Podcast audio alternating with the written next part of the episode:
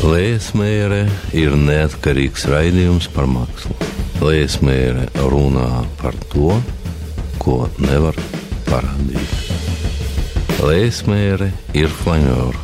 Viņa klīst starp ikdienas rūpēm un pēkšņi ierauga mākslu. Taču svarīgs ir teksts, kā draudzīgs ceļš pie domām par mākslu.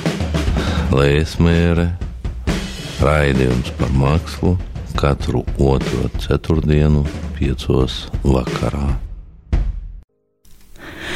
Sveicināti, Telēsmēri! Tas ir raidījums par mākslu, vizuālo mākslu. Studijā esmu es, mākslas kritiķi Ieva Leismēri.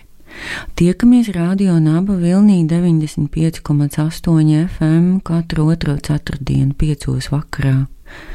Klausieties arī pēc tam, jebkurā laikā Nabas, jeb Latvijas Rādio 6 mājaslapas arhīvā. Raidījumu varat ielādēt arī podkāstu formātā, vizuālās mākslas portālā ar teritoriju, sadaļā podkāsti. Vēl raidījumam ir lapa Facebookā, ko sauc tāpat kā raidījumu Leismējeri. Raidījums top lielākoties ar privāta fanu klubu materiālu un nemateriālu atbalstu. Par atbalstu pateicos arī Valsts kultūra kapitāla fondam. Pagājušo raidījumu beidzām ar ieskatu jaunā filozofijas žurnālā Tvērums, kurā galvenais redaktors Toms Babincevs publicējis rakstu par mākslu ekrānos, jeb vai un kā vizuālā māksla var pastāvēt attālinātā režīmā. Lielākoties tvēruma teksti ir tādi, kuras gribas lasīt priekšā lieliem, ilgiem fragmentiem, nu, bet to jau mēs te nevaram tomēr atļauties. Bet šoreiz apskatīsim mākslu, kas pārcēlusies uz dzīvi nevis ekrānos, bet izdevumos, un vēl būs runa par dažiem maigākiem un rupjākiem publiskiem žestiem. Galerijas 427 jubilejas grāmata paveic ko brīnišķīgu. Zināt, Tā ir tagad tā nelielā fēnā telpa stābu ielā uz avotu pusi ar to zaļo glazēto podiņu kamīnu, bet tas tad no arī viss no glamūra. Izstāžu darba laika un pašas izstādes vidēji saprotams un pieejamas, nu, prātam, uztverēji pieejamas.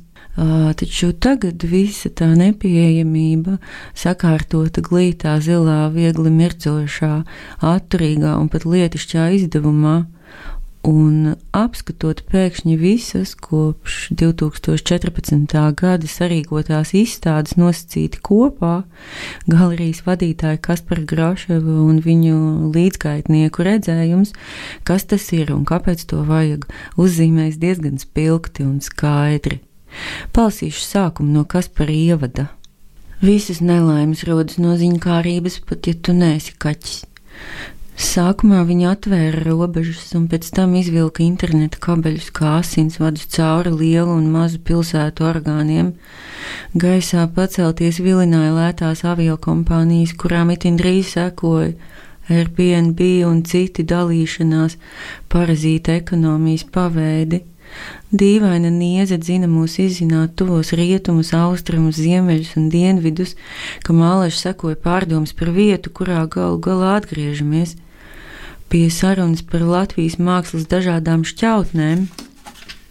Jaunās tūkstošgadas pirmajos gadu patsmitos es labprāt vēl atgrieztos, tomēr 2014. gadā un jau kādu brīdi pirms tam man un vairākiem citiem šķita, ka Rīgā jau krietnu laiku trūkst nelielu, iespējams nekomerciālu, iespējams mākslinieku vadītu galeriju projektu telpu, kas atbalstotu to, ko tikām redzējuši lielpilsētās un kas vēstīja par jaunu laiku mākslā. Protams, katru jauno laiku at, aizstāja vēl jaunāks laiks, tomēr tieši vēlme veiklāk un brīvāk reaģēt uz kaut dažām vēsmām, idejām, sarunām, kas klejo pa to pasauli, kurā vēlamies būt iekļauti, noved pie galerijas atvēršanas vienlaiks atsakoties no nevajadzīgiem pienākumiem, ļaujot 427 kļūt par amorfu, vārdā nenosauktu ideju vienību, kas kā savrups, labi deptaralogs, nodevies īpaši krāšņu, sirdi sildošu eksemplāru meklējumiem, savu prieka pēc. Lūk, bet netālu tai pašā rajonā, Lāčplēša ielas galā, iegriezos galerijas slow jaunajās telpās, kuru atklāšanas izstāde Lalmūna tā arī netika atklāta, un to nedrīkst apskatīt, bet galerijā drīkst iepriekš piesakoties iegādāties vēstnešus. Nu pat iznākuši jau trīs divi krīzes un viens mīlas vēstnesis. Mīlas vēstneša vāku dizains ir satriecošs, tikpat precīzs un laikmatīgs kā pagājušajā raidījumā aplūkotais Raida Kalniņa gurģīviskais gājiens Stritska vilas logā. Faktiski mīlas vēstneša vāka dizains ir ne tikai satriecošs, bet arī visnotaļ praktisks un arī stipri interaktīvs tā, bet, lai kaut vai aptuveni parādītu jums, par ko vēsta vēstneši, piedāvāšu ieskatu pirmajā un pēdējā. Pirmajā krīzes vēstnesī Līga Marcinkēviča tekstā Konstrukcija par konstrukciju raksta. Mani tiešām sadusmo dzīvošana konstruktos, krīzes cietēja, upura, varmākas, glābēja, vienaldzīgā un visos citos šeit neminētajos, jo īstenības būtība noslāpst konstrukta burbuļos. Šodien kopīgi vienoties par būšanu krīzē ir kā piedzīvot skaitām pantiņu, džimpiņu, rimpiņu pēdējo rindiņu. Nu, tu esi brīvs! Bet jaunākajā mīlas vēstnesī, kura saturā jau pavisam eleganti savijas izmisīgs absurds ar izlīdzinošu maigu abstrahēšanos, lūko raksta Kirils Ēcis. Raksta viņš, protams, dzēju, diezgan fotografīgu. Izlieties pa galdautu traipākas, atgādina suni vai cilvēku rāpus, raustītais pieturknes aizkaru, ar pirkstu rādīt uz tumšo kaktu. Mīļā man rokās nav neviena viennozīmīga žesta, tāpēc es tirinos un maizos tev pa kājām kā bieza pļava, kamēr skropstas izaug pār acīm tik garas, ka varētu sapīt bizēs, un kad viss ir mazliet sašvīkāts, Tik un tā tu mierini mani ilgi ar glāstiem siltiem kā gludeklīši, līdz nav nevienas laustas līnijas. Un par tiem publiskajiem žestiem runājot, gan jau par lauva atklāšanas izstādi parunāsim tad, kad varēšu aicināt arī jūs to aplūkot. Bet nu galerijas atrašanās vieta un skats pa vitrīnu logiem ir skaistākais no nejaušajiem ģeniālajiem žestiem, ko te pēdējā laikā sanācis redzēt proti pa galerijas lovu logu ar distanci un no augšas redzams zuzeums, bet apakšā tie puskailie atletiskie džeki kombinēzonos mazgā mašīnas. Tā šķiet, ka raidījums varētu būt apmēram pusē, mm, tāpēc klausāmies dziesmu.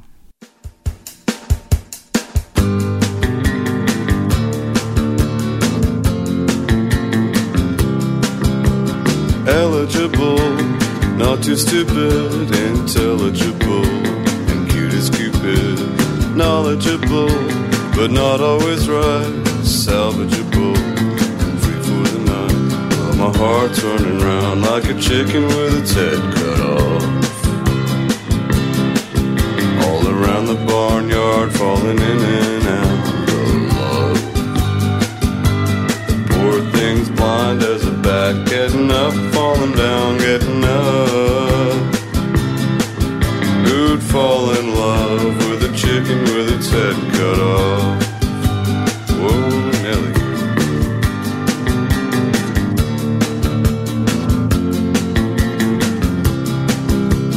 My wife doesn't understand me, many dozens hope to land me.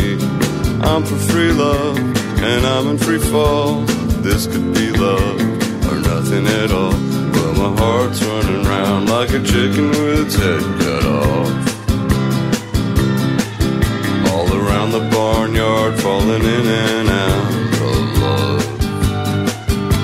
The poor thing's blind as a bat, getting up, falling down, getting up. Who'd fall in love with a chicken with its head cut off? To be stars exploding in the night or electric eels under the covers. We don't have to be anything quite so unreal. Let's just be lovers.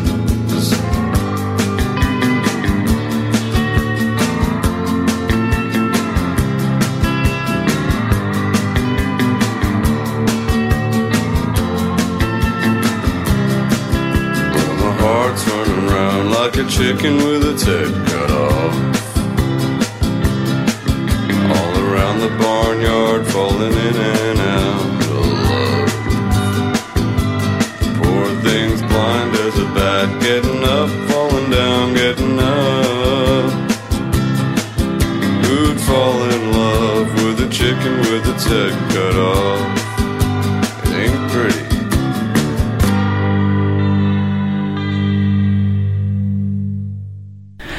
Tā bija grupa The Magnetic Fields. Ne šai, ne citām grupas dziesmām nav nekāda sakara ar raidījumā apskatīto mākslu.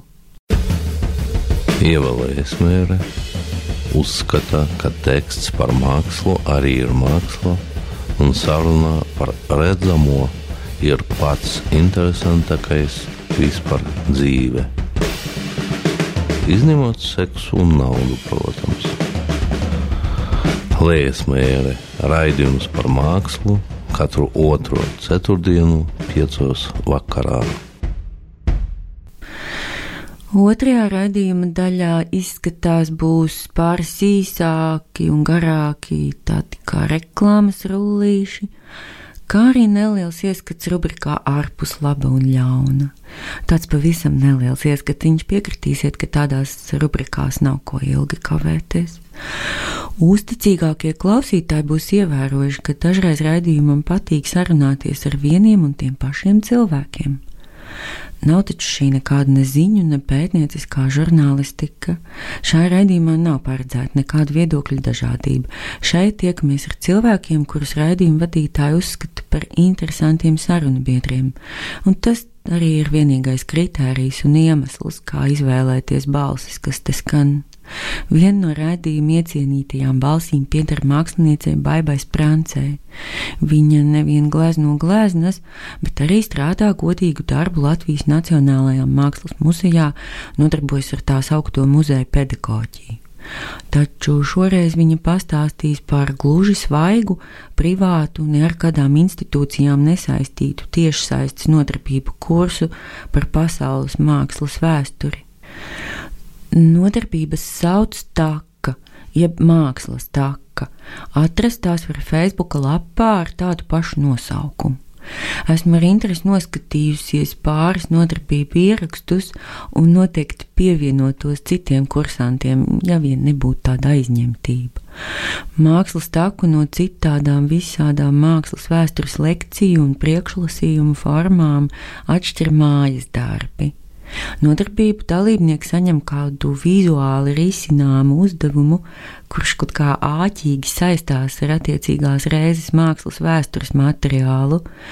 Tad nākamajā nodarbībā baidu šos darbus recenzē, nu, analizē, apskata.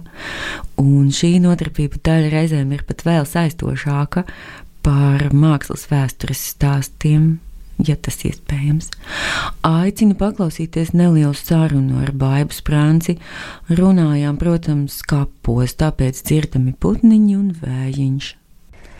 Kas mainās skatoties un izzinot nu, mākslas vēstures notikumus, tādus pieminekļus, tad, ja ne tikai uzzina kaut kādas ziņas, kaut kādu informāciju, kaut ko mēģina atrast, atrast un nu, izzināt, bet arī pats nu, kaut ko praktiski, vizuāli paveikt saistībā ar to mākslas vēstures materiālu. Nu, tā kombinācija ir tāda diezgan komplicēta, kā jau tu minēji, un līdz ar to droši vien, ka tur iesaistās tādi ļoti specifiski cilvēki, kam pašiem patīk arī kaut ko darīt, bet godīgi sakot, es mēģinu šo mākslas vēstures kursu veidot tā, lai man pašai ir interesanti. Nu, kā es skatos uz mākslas vēsturi? Mākslas vēsture atspoguļo, materializē cilvēku apziņas vai cilvēku attiecības ar kosmosu un pašam ar sevi. Un tas, tas skatījums uz šīm lietām visu laiku mainās. Viņš ir dinamisks un tiek materializēts mākslas darbos. Pirmkārt, šie mākslas darbi ir dežēlīgi skaisti. Tas ir vislabākais, ko, ko, ko cilvēki ir radījuši. Otrakārt, tas ir ārkārtīgi interesanti, un tur nāk pa vidu visādi pastāsti par to, kā mūsu vēsture un mākslas vēsture ir formējusies. Nu, katrā ziņā man tas pašai šķiet ārkārtīgi aizraujoši, un tad es domāju, ka varētu interesēt arī kādam citam. Un tie, tie, tie uzdevumi, nu, šie cilvēki ir tādi entuziasti, kas arī paši grib kaut ko darīt, bet tas nenozīmē, ka manus mākslas vēstures stāstus nevarētu klausīties vienkārši arī pēc zīmēšanas, uh, jo tā ir, tā ir tik brīnišķīga tēma, nu, ka viņi vienkārši ir skaisti, brīnišķīgi, nu, tie epitēti var būt vislabākie, vispārākajā pakāpē, kāda vien ir. Nu, pat jūs esat tikuši līdz Romai. Nu, kas tā ir Romā interesants, pārsteidzošs? Nu, pārsteidzoši tur ir patiesībā viss. Tur tā grandiozitāte ir tāda, nu, ko pilnīgi grūti noticēt. Piemēram, termas viss izskatās pēc tādiem pasaku tempļiem, uh, bet arī tie stāsti ir ļoti interesanti. Un, uh, tur ir tā, tur ir ārkārtīgi daudz drupu, uh, daudz drupu, bet tur ir, teiksim, tāda lieta, ka tad, kad Konstantīns pasludināja kristietību par oficiālo Romas reliģiju, tad uh, kristieši pārstāja vienkārši interesēties un rūpēties par pagānu tempļiem un visam, kas bija saistīts ar Romas reliģiju. Uh, līdz ar to viņi bruka kopā. Un tikai tās celtnes, uh, kas viņiem varēja noderēt, un tur ir tāds ļoti interesants stāsts, ka, piemēram, bazilikas, romieši būvēja bazilikas kā tādas laicīgas celtnes, un viņi bija apmēram kā mūsu rācnami. Un šo baziliku konstrukciju pārņēma kristieši gan arī uh, utilizēja dažas bazilikas, jo tur nebija tā dēmonu gara, pagāniskā dēmonu gara. Bet tomēr Panteons, kas arī uh, bija veltīts visiem romiešu dieviem, Viņš tomēr bija tik lielisks, ka, uh, ka Foka no Konstantinopolis, viņš bija imperators, uh, viņš veltīja šo uzda, uzda, uzdāvināja tā kā Romas pāvestam uh, ar domu, ka tagad tā būs uh, jaunavas Marijas un visu mocekļu baznīca, bet lai attīrītu šo telpu no dēmona gara, viņa atveda 28 vezumus ar kristiešu relikvijām, tā skaitā ar pīšļiem un ieraka zem liela altāra Līdz ar to šī uh, pagānu demonu aura tika attīrīta, bet līdz ar to viņi izglāba arī panteonu no sabrukšanas. Vai arī, piemēram, Dioteklāna termas uh, arī tika uzdots Michelangelo pārtaisīt par baznīcu, pārbūvēt, un šī baznīca arī tika veltīta kristiešiem, kur gāja bojā termu celtniecībā.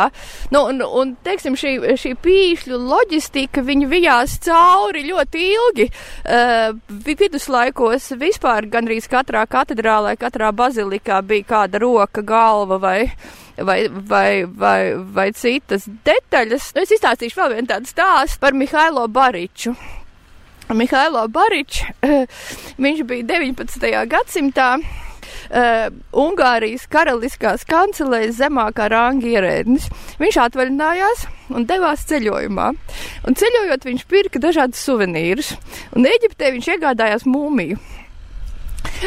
viņš, viņš atveda mūmiju uz savu vīnas dzīvokli un nolika viesistabā stūrī atslēgu pret sienu.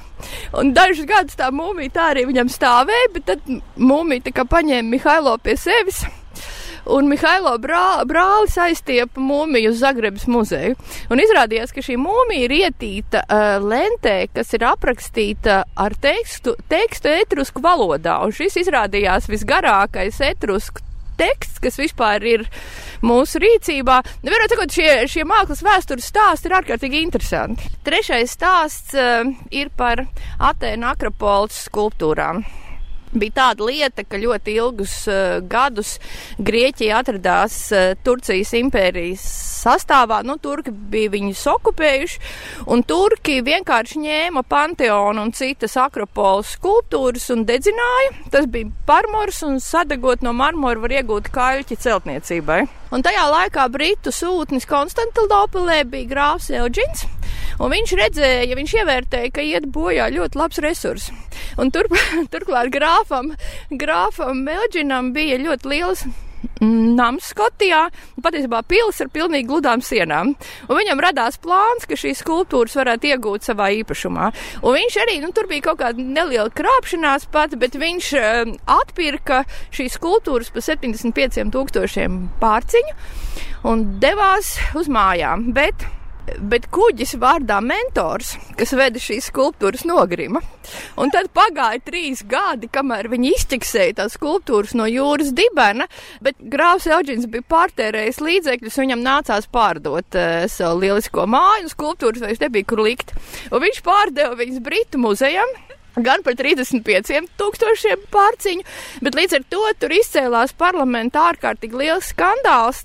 Tā skaitā Lords Bairons iestājās par to, ka tas ir neredzēts vandālisms, bet jebkurā gadījumā šīs kultūras joprojām atrodas Britu muzejā, kā Elģīna marmors. Uh, Grieķi viņas grib atpakaļ, bet nu, viņas joprojām ir tur, un tagad tā no ir iesaistījusies kā starpnieks, lai atgūtu vai arī neatgūtu ar ko šīs tavs formāts taka, uh, atšķiras no tā, ko gal galā tu dari, vai, vai var teikt, ka drīzāk darīji un darīsi uh, Latvijas Nacionālajā Mākslas muzejā.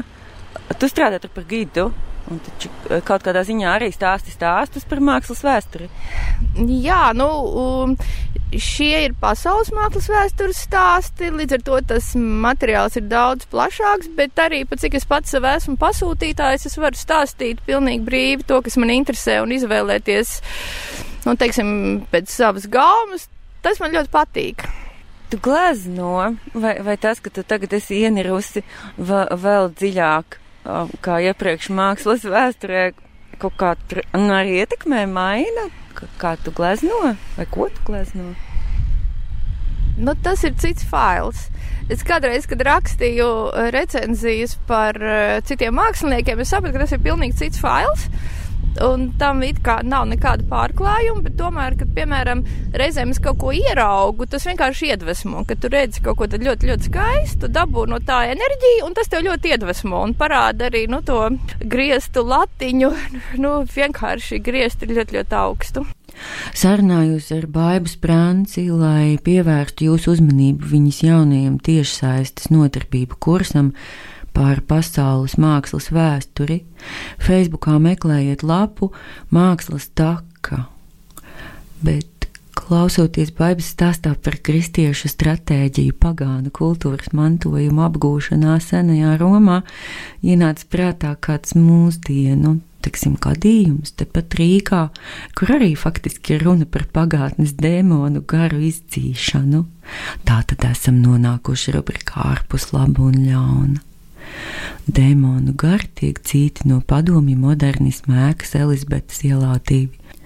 Un galvenais eksorcists šai pasākumā ir kultūras ministrs no Nacionālās apvienības.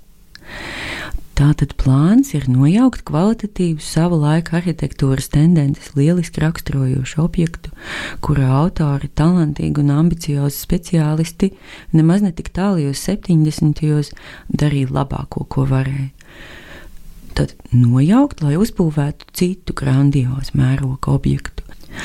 Ar mērķi visticamāk politisku.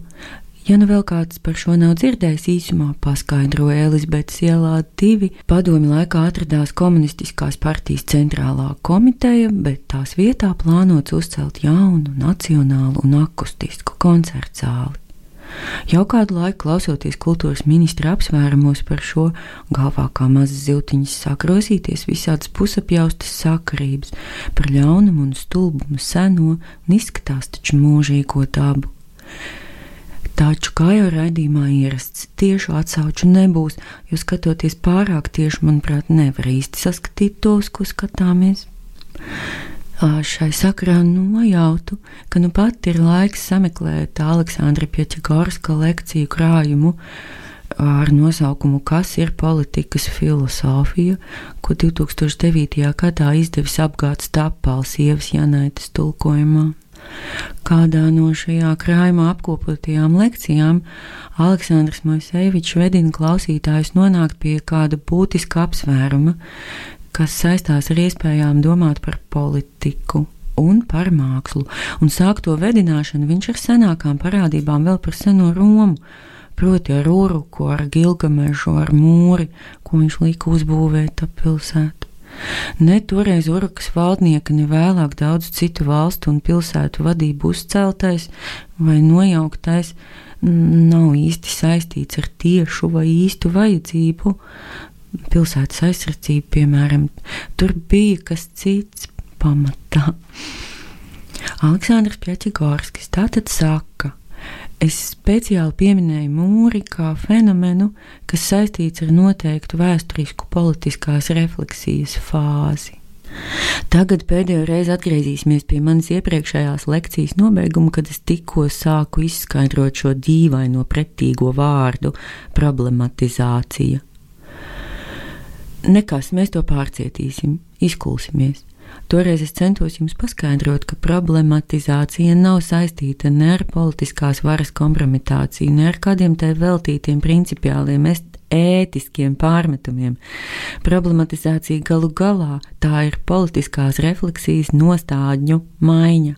Problematizācija rodas, kad parādās politiskās refleksijas enerģētikas kritums. Attiecībā uz to vai citu fenomenu, uz kuru tā vērsta.